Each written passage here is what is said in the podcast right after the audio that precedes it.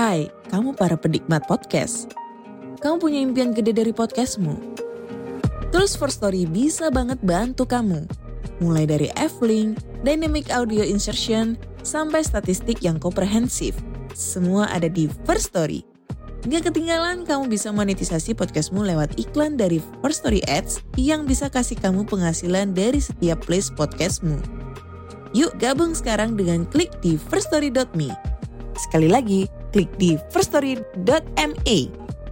Mari kita bawa mimpi podcastingmu menjadi kenyataan. Hello? Hello?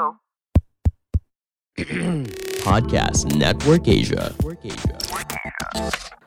Halo teman-teman, jadi aku punya informasi penting buat kalian, terkhusus buat orang-orang yang kreatif di luar sana yang pengen gitu ngasilin duit dari rumah aja gitu kan.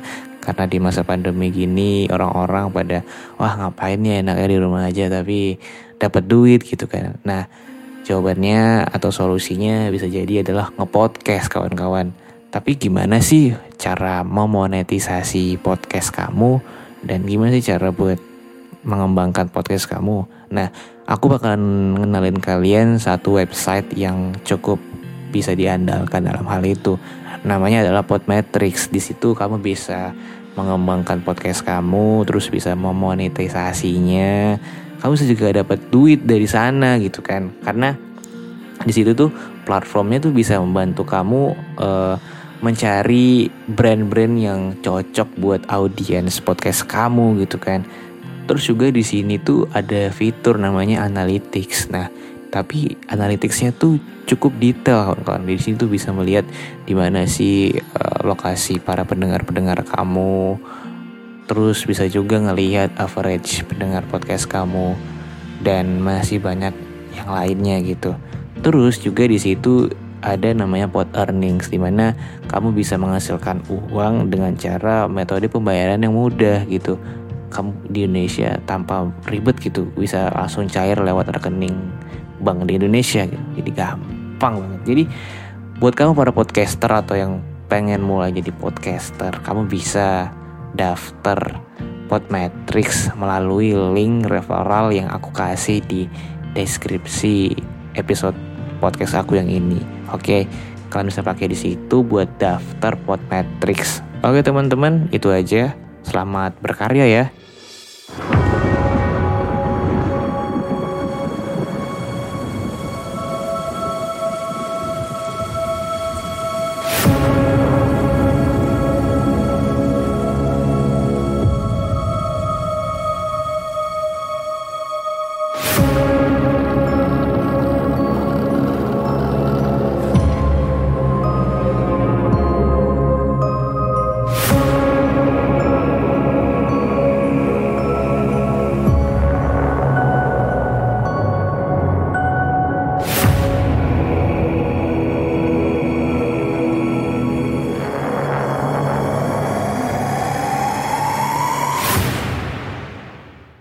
Halo semuanya, selamat datang di podcast dengerin horor.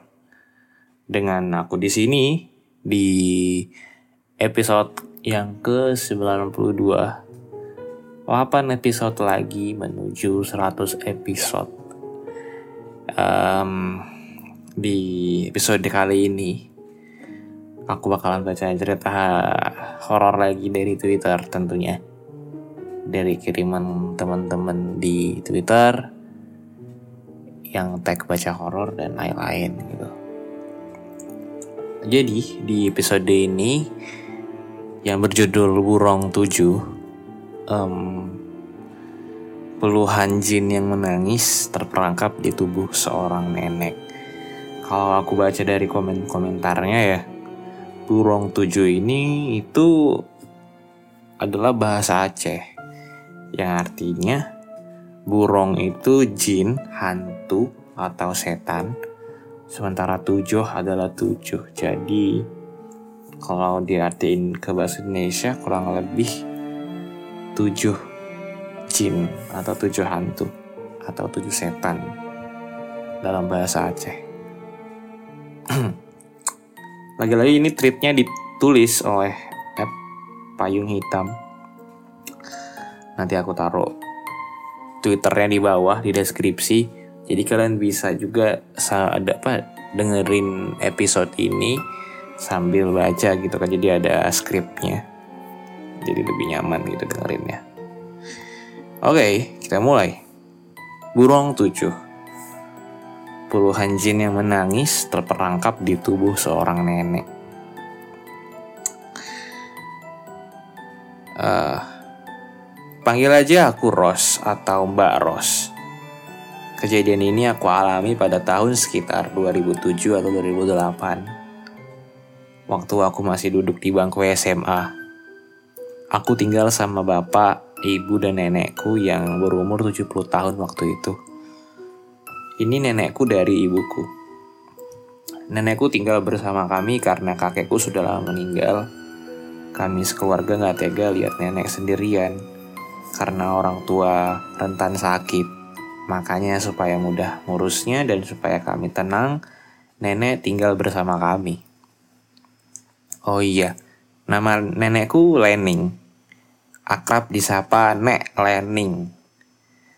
Nenekku, walau sudah tua, beliau masih aktif bergerak. Kayaknya buah halaman, ngejalanin hobi yaitu menjahit, bahkan gak pernah ketinggalan sholat lima waktu. Beliau betul-betul rajin ibadah. Tapi, kejadian aneh ini bermula dari nenekku. Pada suatu hari beliau nangis, nangis kejar banget, sedih sekali, sampai terseduh-seduh kayak orang yang lagi kehilangan orang terdekatnya. Sampai kami sekeluarga pun bingung apa yang terjadi sama nenek. Kami udah berusaha nanya, tapi nenek gak jawab yang pada akhirnya nenek berhenti nangis mungkin karena capek. Akhirnya beliau tidur. Kami rencananya nanya esok harinya. Waktu nenek udah gak udah agak mendingan dari sedihnya.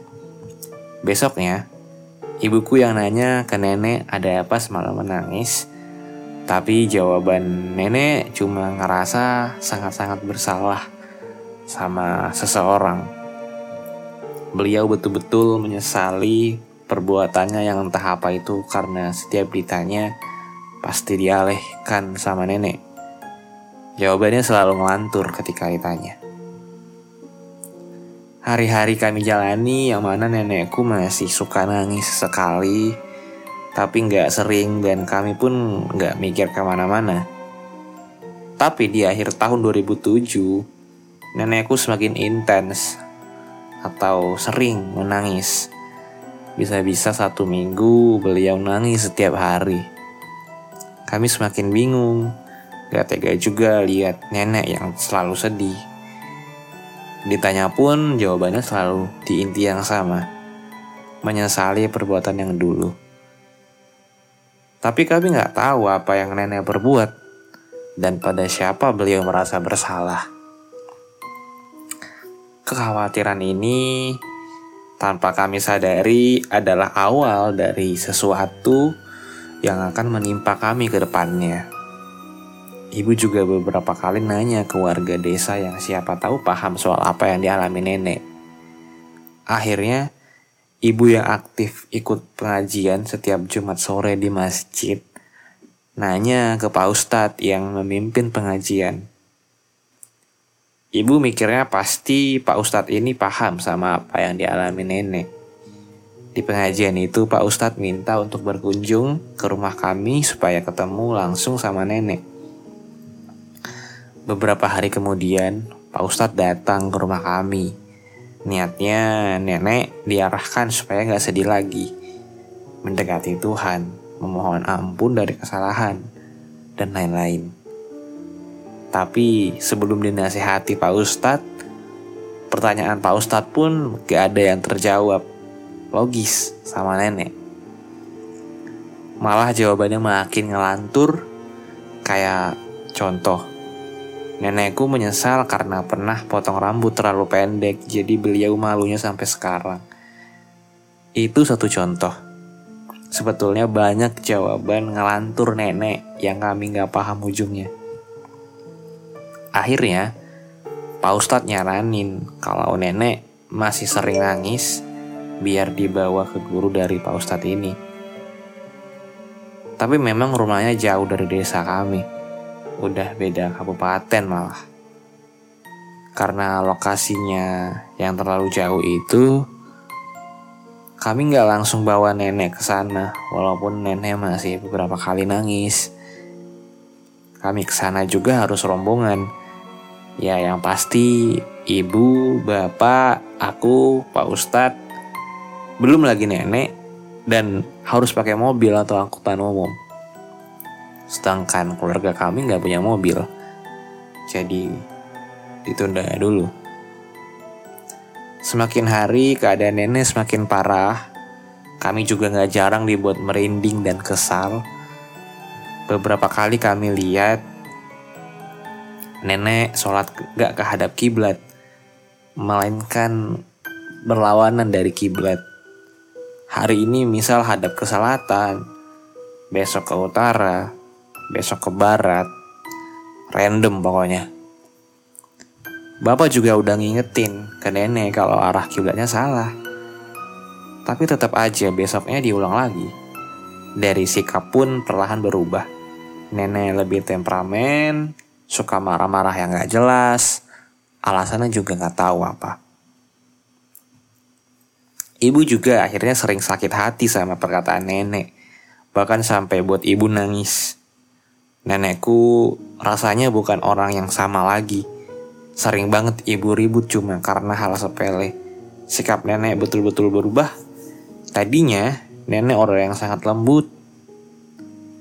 Salah satu perkataan yang paling nyakitin hati ibu itu nenek pernah bilang beliau nyesel setengah mati udah ngelahirin ibu. Gak cuma ibu, bapak pun dibuat tersinggung sama perkataan nenek yang katanya nenek juga nyesel udah nikahin ibu sama bapak. Nenek benar-benar nggak pernah bilang begitu sebelumnya. Setelah itu nenek mulai sakit-sakitan. Tapi sakitnya pun kita nggak paham sakit apa. Nanti sakit perut, nanti kakinya sakit sampai nenek nggak bisa bangun. Besoknya bisa lain, lagi sakitnya. Karena itulah kondisi nenek akhirnya makin memburuk selain fisik. Tapi sikapnya yang mulai aneh Nenek juga cuma bisa berbaring di kasur, gak bisa bangun lagi. Kami akhirnya ngebawa nenek ke guru dari Pak Ustadz yang sudah aku ceritain tadi. Kami berangkat, aku, ibu, nenek, bapak, Pak Ustadz, dan beberapa warga. Rombongan dengan mobil tetangga yang kami pinjam pergi ke rumah guru dari, dari Pak Ustadz tadi. Kami menempuh perjalanan selama kurang lebih 6 jam. Sesampainya di sana, kami langsung nyeritain semua keluhan yang nenekku derita. Diperiksalah nenek dengan Pak Dullah. Gak lama Pak Dullah langsung memasang raut wajah takut. Setelah diperiksa, Pak Dullah ngajak Bapak ngobrol menjauh dari kami ke belakang rumahnya. Yang Pak Dullah katakan pada Bapak kayak gini. Begini Pak, mohon maaf sebelumnya Bukan maksud saya menuduh atau berprasangka buruk dengan Ibu Lening, tapi demi kebaikan, jadi saya mau nanya dengan Bapak, apakah Ibu Laning sebelumnya pernah menggunakan ilmu-ilmu hitam? Atau Bu Laning pernah bersekutu dengan jin? Tanya Pak Dullah. Bapak yang dengar itu kaget, tapi juga bingung karena perasaan Bapak nenek gak pernah melakukan hal-hal aneh. Untuk lebih jelasnya, Bapak manggil ibu buat nanya lebih detail karena ibu adalah anak kandungnya. Menurut ibu pun, nenek gak pernah masuk ke dunia ilmu hitam. Bapak dan ibu pun bingung. Namun menurut Pak Dullah, nenekku ternyata sedang dihinggapi jin yang sangat kuat di tubuhnya. Pak Dullah sebut jin ini adalah burung tujuh yang terkenal juga di masyarakat daerah kami. Mengeluarkan jin ini pun gak mudah, sangat sulit. Hanya orang-orang tertentu yang bisa, sedangkan Pak Dullah jauh dari kata bisa. Maka dari itu, Pak Dullah bertanya, apakah nenekku memeliharanya? Kalau betul iya, Pak Dullah mau tahu di mana dapetin ilmu itu. Kalau kita udah tahu di mana tempatnya, kita bisa cari solusi untuk melepasnya. Untuk sementara, ibu dan bapak ngekip persoalan apa yang terjadi sama nenek. Takutnya ngebuat pandangan jelek untuk keluarga, terutama nenek. Karena kita semua belum tahu pastinya nenek pelihara jin atau enggak. Kalau kesebar ke orang-orang, nenek pelihara jin kan bener-bener nggak enak kesannya. Kita akhirnya pulang dengan keadaan nenek yang belum sembuh. Selama di rumah, Pak Dullah pun gelagat Pak Dullah kayak segan mandang nenek. Padahal nenek biasa aja di sana. Cuma duduk diam di kursi roda. Iya, kami bawa nenek dengan kursi roda karena di situ nenek sedang gak kambuh. Sampai di rumah, ibu dan bapak langsung nanya ke nenek perihal pelihara jin. Tapi nenek ngaku gak ngerti soal jin. Apalagi sampai melihara jin dan belajar ilmu hitam. Ibu dan bapak sebenarnya setengah percaya setengah enggak. Kami semua cuma bisa berdoa karena semakin hari kondisi nenek semakin memburuk parah. Kami semua kebingungan karena gak ada solusi apa pun. Kami mikir juga di sisi lain selain karena burung tujuh, bisa jadi nenek seperti ini karena faktor usia. Karena semakin tua, perasaan manusia bakal lebih sensitif. Menurut masukan dari beberapa kerabat dan warga pun sama, untuk memaklumi sikap dan fisik nenek karena faktor usia. Itulah beberapa hal yang buat kita mikir dua sisi. Setelah penderitaan panjang, nenek akhirnya meninggal dunia di hadapan ibu subuh-subuh. Sebelumnya sempat nenek merintih kesakitan. Waktu itu ibu berusaha ngebangunin beliau. Setelah merintih, barulah beliau menghembuskan nafas terakhirnya. Singkat cerita, pagi itu juga kami ngurus pemakaman nenek dibantu warga desa yang juga ngumpul di rumahku. Siangnya nenekku sudah selesai dipocongin dan siap dimakamkan. Tapi di situ nenekku mengeluarkan suara tangisan. Gimana nggak panik dan kaget semuanya. Nenek ngeluh katanya kaki dan tangannya sakit nggak bisa nggak bisa digerakin. Ya karena memang udah dikafanin. Posisi keluargaku di situ antara senang dan sedih. Karena nenek bangun lagi. Tapi juga heran kenapa bisa. Karena kami yakin denyut nadinya dan nafasnya udah nggak ada tadi. Bahkan kulit nenek udah rontok pas dimandiin. Kami akhirnya membuka seluruh kafan. Di sinilah nenek mulai berhenti nangis dan bangun duduk dari tidurnya. Wajahnya berubah, ekspresi datar, kemudian ngeliatin semua orang di ruangan itu dengan tatapan yang aneh. Beliau melototin satu persatu orang dengan tatapan mirip ayam atau burung. Gerakan matanya patah-patah, melotot tanpa ngedip sedikit pun. Aku benar-benar ketakutan. Semua orang yang ada di ruangan itu juga ketakutan. Gak mau beradu mata. Selesai melototin kita semua, nenek kembali nangis. Akhirnya Pak Ustadz yang melarai semuanya untuk mendoakan nenek. Semuanya yang ada di ruangan mengikuti doa Pak Ustadz. Setelah doa, nenek digotong ke kamar lalu dibaringkan. Kami merasa ini betul ada yang gak beres. Tapi cuma aku. Ibu bapak yang tahu kemungkinan kalau nenek pelihara jin. Aku tahu kemungkinan nenek pelihara jin ya cerita dari ibu. Ibu selalu beri pesan ke aku untuk gak buka mulut mengenai ini. Tapi kayaknya warga desa udah mulai menduga nenekku ada yang gak beres. Tapi entah apa yang di yang ada di pikiran warga, Yang jelas, pasti ada di antara mereka yang berpikiran masalah nenekku ini ada sangkut pautnya dengan jin. Setelah kejadian nenekku bangun, lagi dari meninggalnya, beberapa bagian tubuh nenek mulai membusuk, bahkan sampai ngeluarin bau busuk. Untuk meminimal, untuk meminimalisir bau, kami menabur kapur menabur kapur barus di sekitar nenek. Pagi siang malam, nenek masih tetap nangis, dan nenek pun seperti udah gak bisa ngomong lagi selama sebulan. Sampai suatu malam jam 9, nenek tiba-tiba manggil ibu. Malah kami yang semua datang karena nenek akhirnya bisa ngomong. Ternyata malam itu nenek minta sholat. Bapak bilang lebih baik sholat dalam posisi berbaring dan gak perlu wudhu.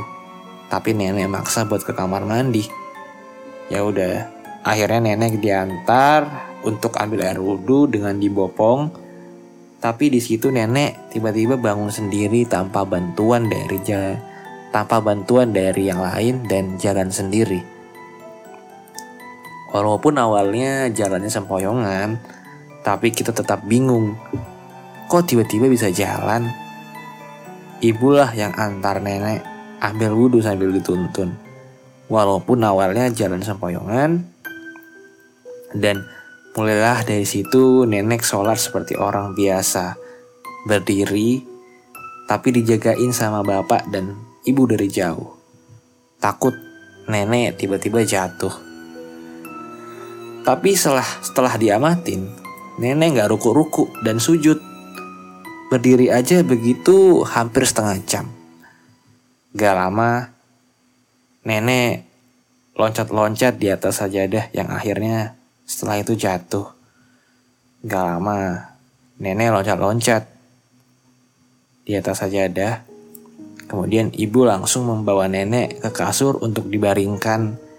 Posisi nenek nggak sadarkan diri, tapi matanya menatap kosong, melotot ke langit-langit kamar. Makin parah lagi setelah kejadian barusan, nenek gak mengedipkan matanya sama sekali. Udah berulang kali Pak Ustadz diminta untuk datang mendoakan, tapi gak ada hasil apa pun. Yang buat aneh, suaranya berasal dari halaman belakang. Nenek masih belum bisa bangun bahkan ngomong saat itu. Akhirnya ibu cek ke belakang, di sana nggak ada siapa pun dan suaranya hilang.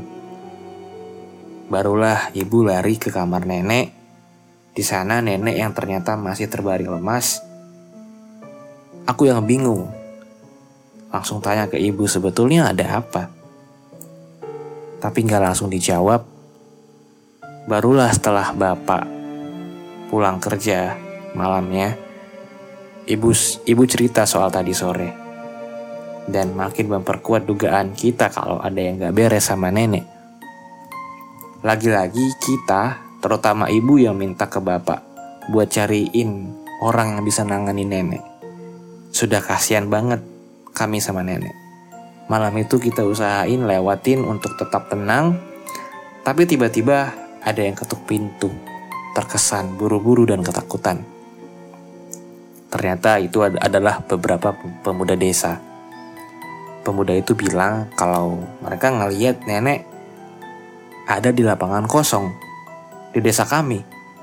Karena bingung nenekku mau apa, disamperinlah. Pas dideketin mau ditanya, nenek langsung ke arah pohon dan manjat dengan cepat. Terus menghilang gitu aja. Duh gue merinding bacanya. Itu jelas banget mereka lihat. Betul-betul jelas. Setelah itu bapak langsung cek ke kamar nenek. Ya, nenek masih di posisi yang sama, terbaring. Pemuda itu akhirnya pulang ke rumah masing-masing karena sudah malam juga. Ibu mengaitkan kemiripan kejadian yang sama kayak dialami yang sore tadi. Cuma bedanya ibu dengar suaranya aja. Besok harinya, bapak sampai izin gak masuk kerja cuma buat nyariin orang yang pinter buat nenek yang dibantu Pak Ustadz. Berhari-hari nyari orang pintar nggak juga dapet. Tapi keluhan warga yang ngelapor ke kami soal ngeliat nenek berkeliaran makin banyak. Kayak mereka ini diteror dengan nenekku. Contoh teror yang dialami sama warga yaitu ngelihat nenek duduk di teras. Bahkan sering juga denger nenek nangis. Padahal semenjak sebulan lalu, nenek gak pernah nangis lagi. Tubuhnya cuma terbaring, mandangin langit-langit sambil melotot, bersuara pun cuma menggeram. Entah bagaimana kabar ini tersebar, akhirnya warga menilai nenekku memelihara jin. Bahkan keluarga kami pun dibilang melihara jin. Tapi ada juga warga yang simpati karena musibah yang menimpa kami. Warga desa juga banyak yang saranin untuk didatangkan beberapa orang pintar, tetapi hasilnya nihil. Ya udah, ujungnya nelpon ke Pak Dullah lagi, guru dari Pak Ustadz. Kenapa ke Pak Dullah? Ya karena cuma beliaulah yang paling detail kasih taunya. Pak Dullah datanglah. Akhirnya yang langsung kaget ngelihat nenek. Ya betul-betul kondisi di badannya banyak yang busuk. Kulitnya mengelupas, mengeluarkan bau yang gak enak. Seolah kayak mayat hidup, cuma bisa menggeram dan bernafas saja. Di situlah Pak Dullah menerawang sebisa beliau tanpa ngobatin. Simpelnya menurut beliau, ada banyak jin yang terperangkap di tubuh nenekku. Ini bukan nenekku lagi, jiwa nenekku sudah nggak ada di gak ada di raga itu. Jiwa nenekku terpaksa keluar karena sudah terlalu pengap di sana. Terlalu banyak jin yang terperangkap. Ini semua akibat burung tujuh. Iya, burung tujuh ini membuka pagar badan manusia sampai nyedot semua jin yang ada di sekitar. Jin itu akhirnya terperangkap dan gak bisa keluar. Akhirnya terkuncilah di badan itu jin-jin itu juga banyak yang nangis di dalam sana. Kami juga penasaran soal burung tujuh yang menyerang nenek. Jadi ternyata burung tujuh itu bentuknya bukan menyerupai burung. Jadi burung tujuh itu bahasa dari kuno, daerah kuno, dari daerah kami yang artinya jin tujuh. Lalu soal bentuk aslinya juga nggak bisa dipastikan kayak apa orang-orang yang bisa menguasai burung tujuh sudah pasti bisa menguasai semuanya atas kehendak burung tujuh. Dan sudah pasti orang-orang tersebut bukan orang baik. Mereka musyrik, lupa akan peran Tuhan. Tapi semoga nenekku punya tujuan yang baik memelihara burung tujuh ini. Solusinya menurut Pak Dullah, ya cuma memindahkan satu burung tujuh ini ke sanak saudara sedarah nenek tapi cara itu sebelum sebetulnya cuma menjeda masalah, bukan menghilangkan.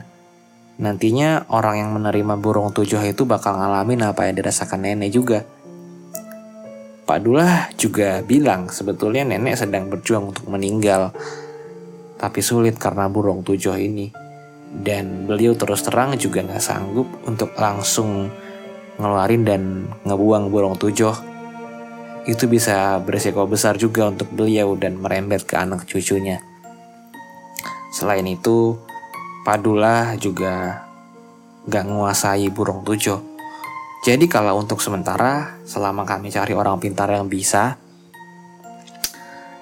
uh, burung tujuh bisa dipindahkan ke sanak saudara, saudara.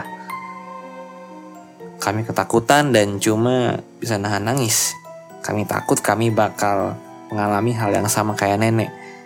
Karena kita bingung masalah ini seperti nggak ada solusi yang tepat. Singkat cerita, masalah keluarga kami ini sudah menjadi isu yang geger di desa kami. Entah bagaimana, gak lama datang seorang suami istri, panggil aja namanya Pak Ibnu. Aku awalnya bingung, siapa Pak Ibnu ini? Aku sama ibu gak kenal, Mungkin tamu bapak, tapi ternyata bukan. Pak Ibnu datang lalu memperkenalkan dirinya. Pak Ibnu juga meminta langsung bertemu nenek. Kami ajak akhirnya beliau ke kamar nenek. Di situ Pak Ibnu langsung nangis. Aku sama ibu bingung.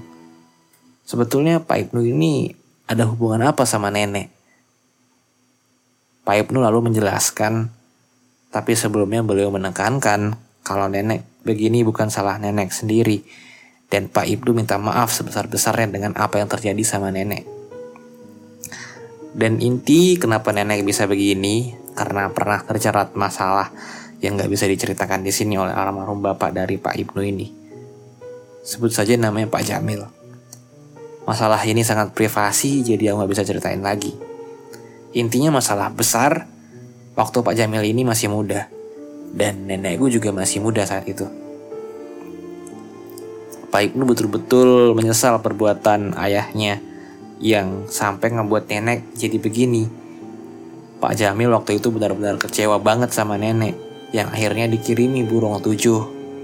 Tiga tahun setelah nenekku menikah pada tahun 67. Tujuan dari santet burung tujuh ini juga bukan untuk orang cepat mati, tapi justru sebaliknya. Jin ini nggak langsung bereaksi, tapi ketika korbannya mendekati ajal, barulah jin ini mulai menjalankan tugasnya. Kami sebetulnya nggak mau terlarut dalam hal musyrik ini. Tapi saat itu kami sudah kalut dan gak bisa lagi mikir positif. Pak Ibnu tahu semua ini karena diceritakan ibunya. Yang sebetulnya waktu itu ibunya Pak Ibnu pun gak setuju Pak Jamil ngirim santet ini ke nenekku. Mengenai bagaimana cara yang terlepas dari burung tujuh ini sebetulnya Pak Ibnu gak menyarankan dipindahkan ke anak cucu dan siapa pun untuk tumbal. Walaupun Pak Ibnu belum tahu juga solusinya.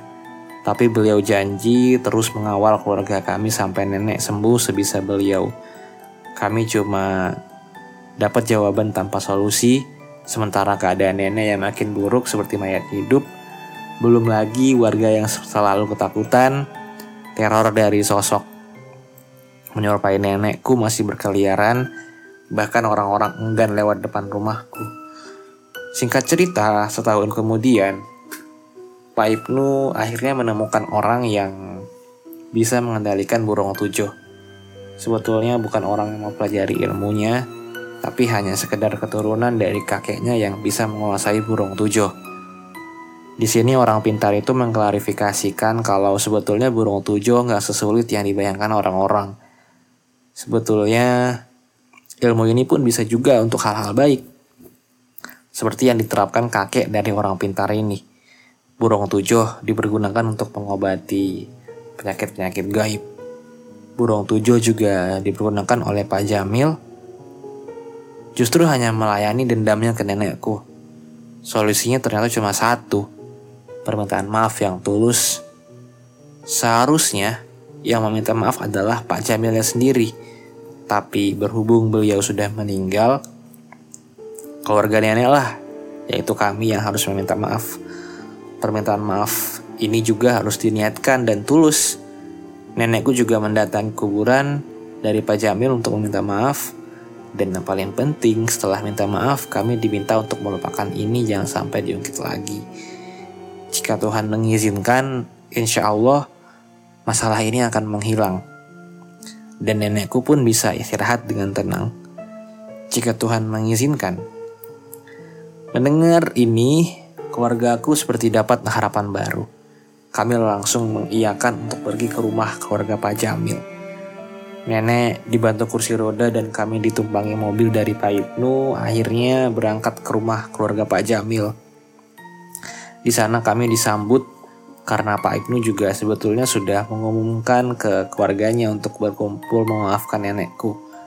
Dan kami pun meminta maaf atas kesalahan dari nenekku juga keluarga Pak Jamil pastinya juga meminta maaf atas yang dialami, yang almarhum melakukan ke nenek. Pokoknya di sana kami saling maaf-maafan.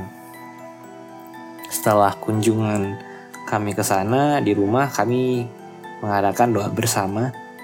Keluarga dari Pak Jamil pun ikut bantu persiapan kami mengaji. Kami berdoa semoga Tuhan menghendaki nenekku kami akhirnya lebih dekat dengan keluarga Pak Jamil seperti keluarga sendiri. Itu juga karena perasaan keluarganya yang merasa betul-betul bersalah. Singkat cerita, beberapa hari setelah pengajian itu, nenekku betul-betul meninggal.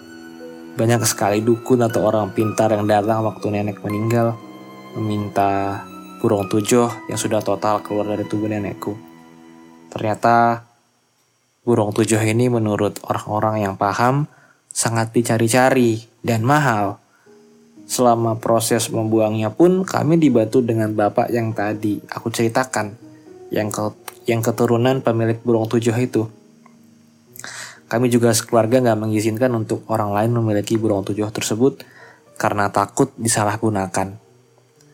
Begitulah pengalaman hidupku dan keluargaku yang betul-betul gak mengenakan. Dendam itu berbahaya teman-teman.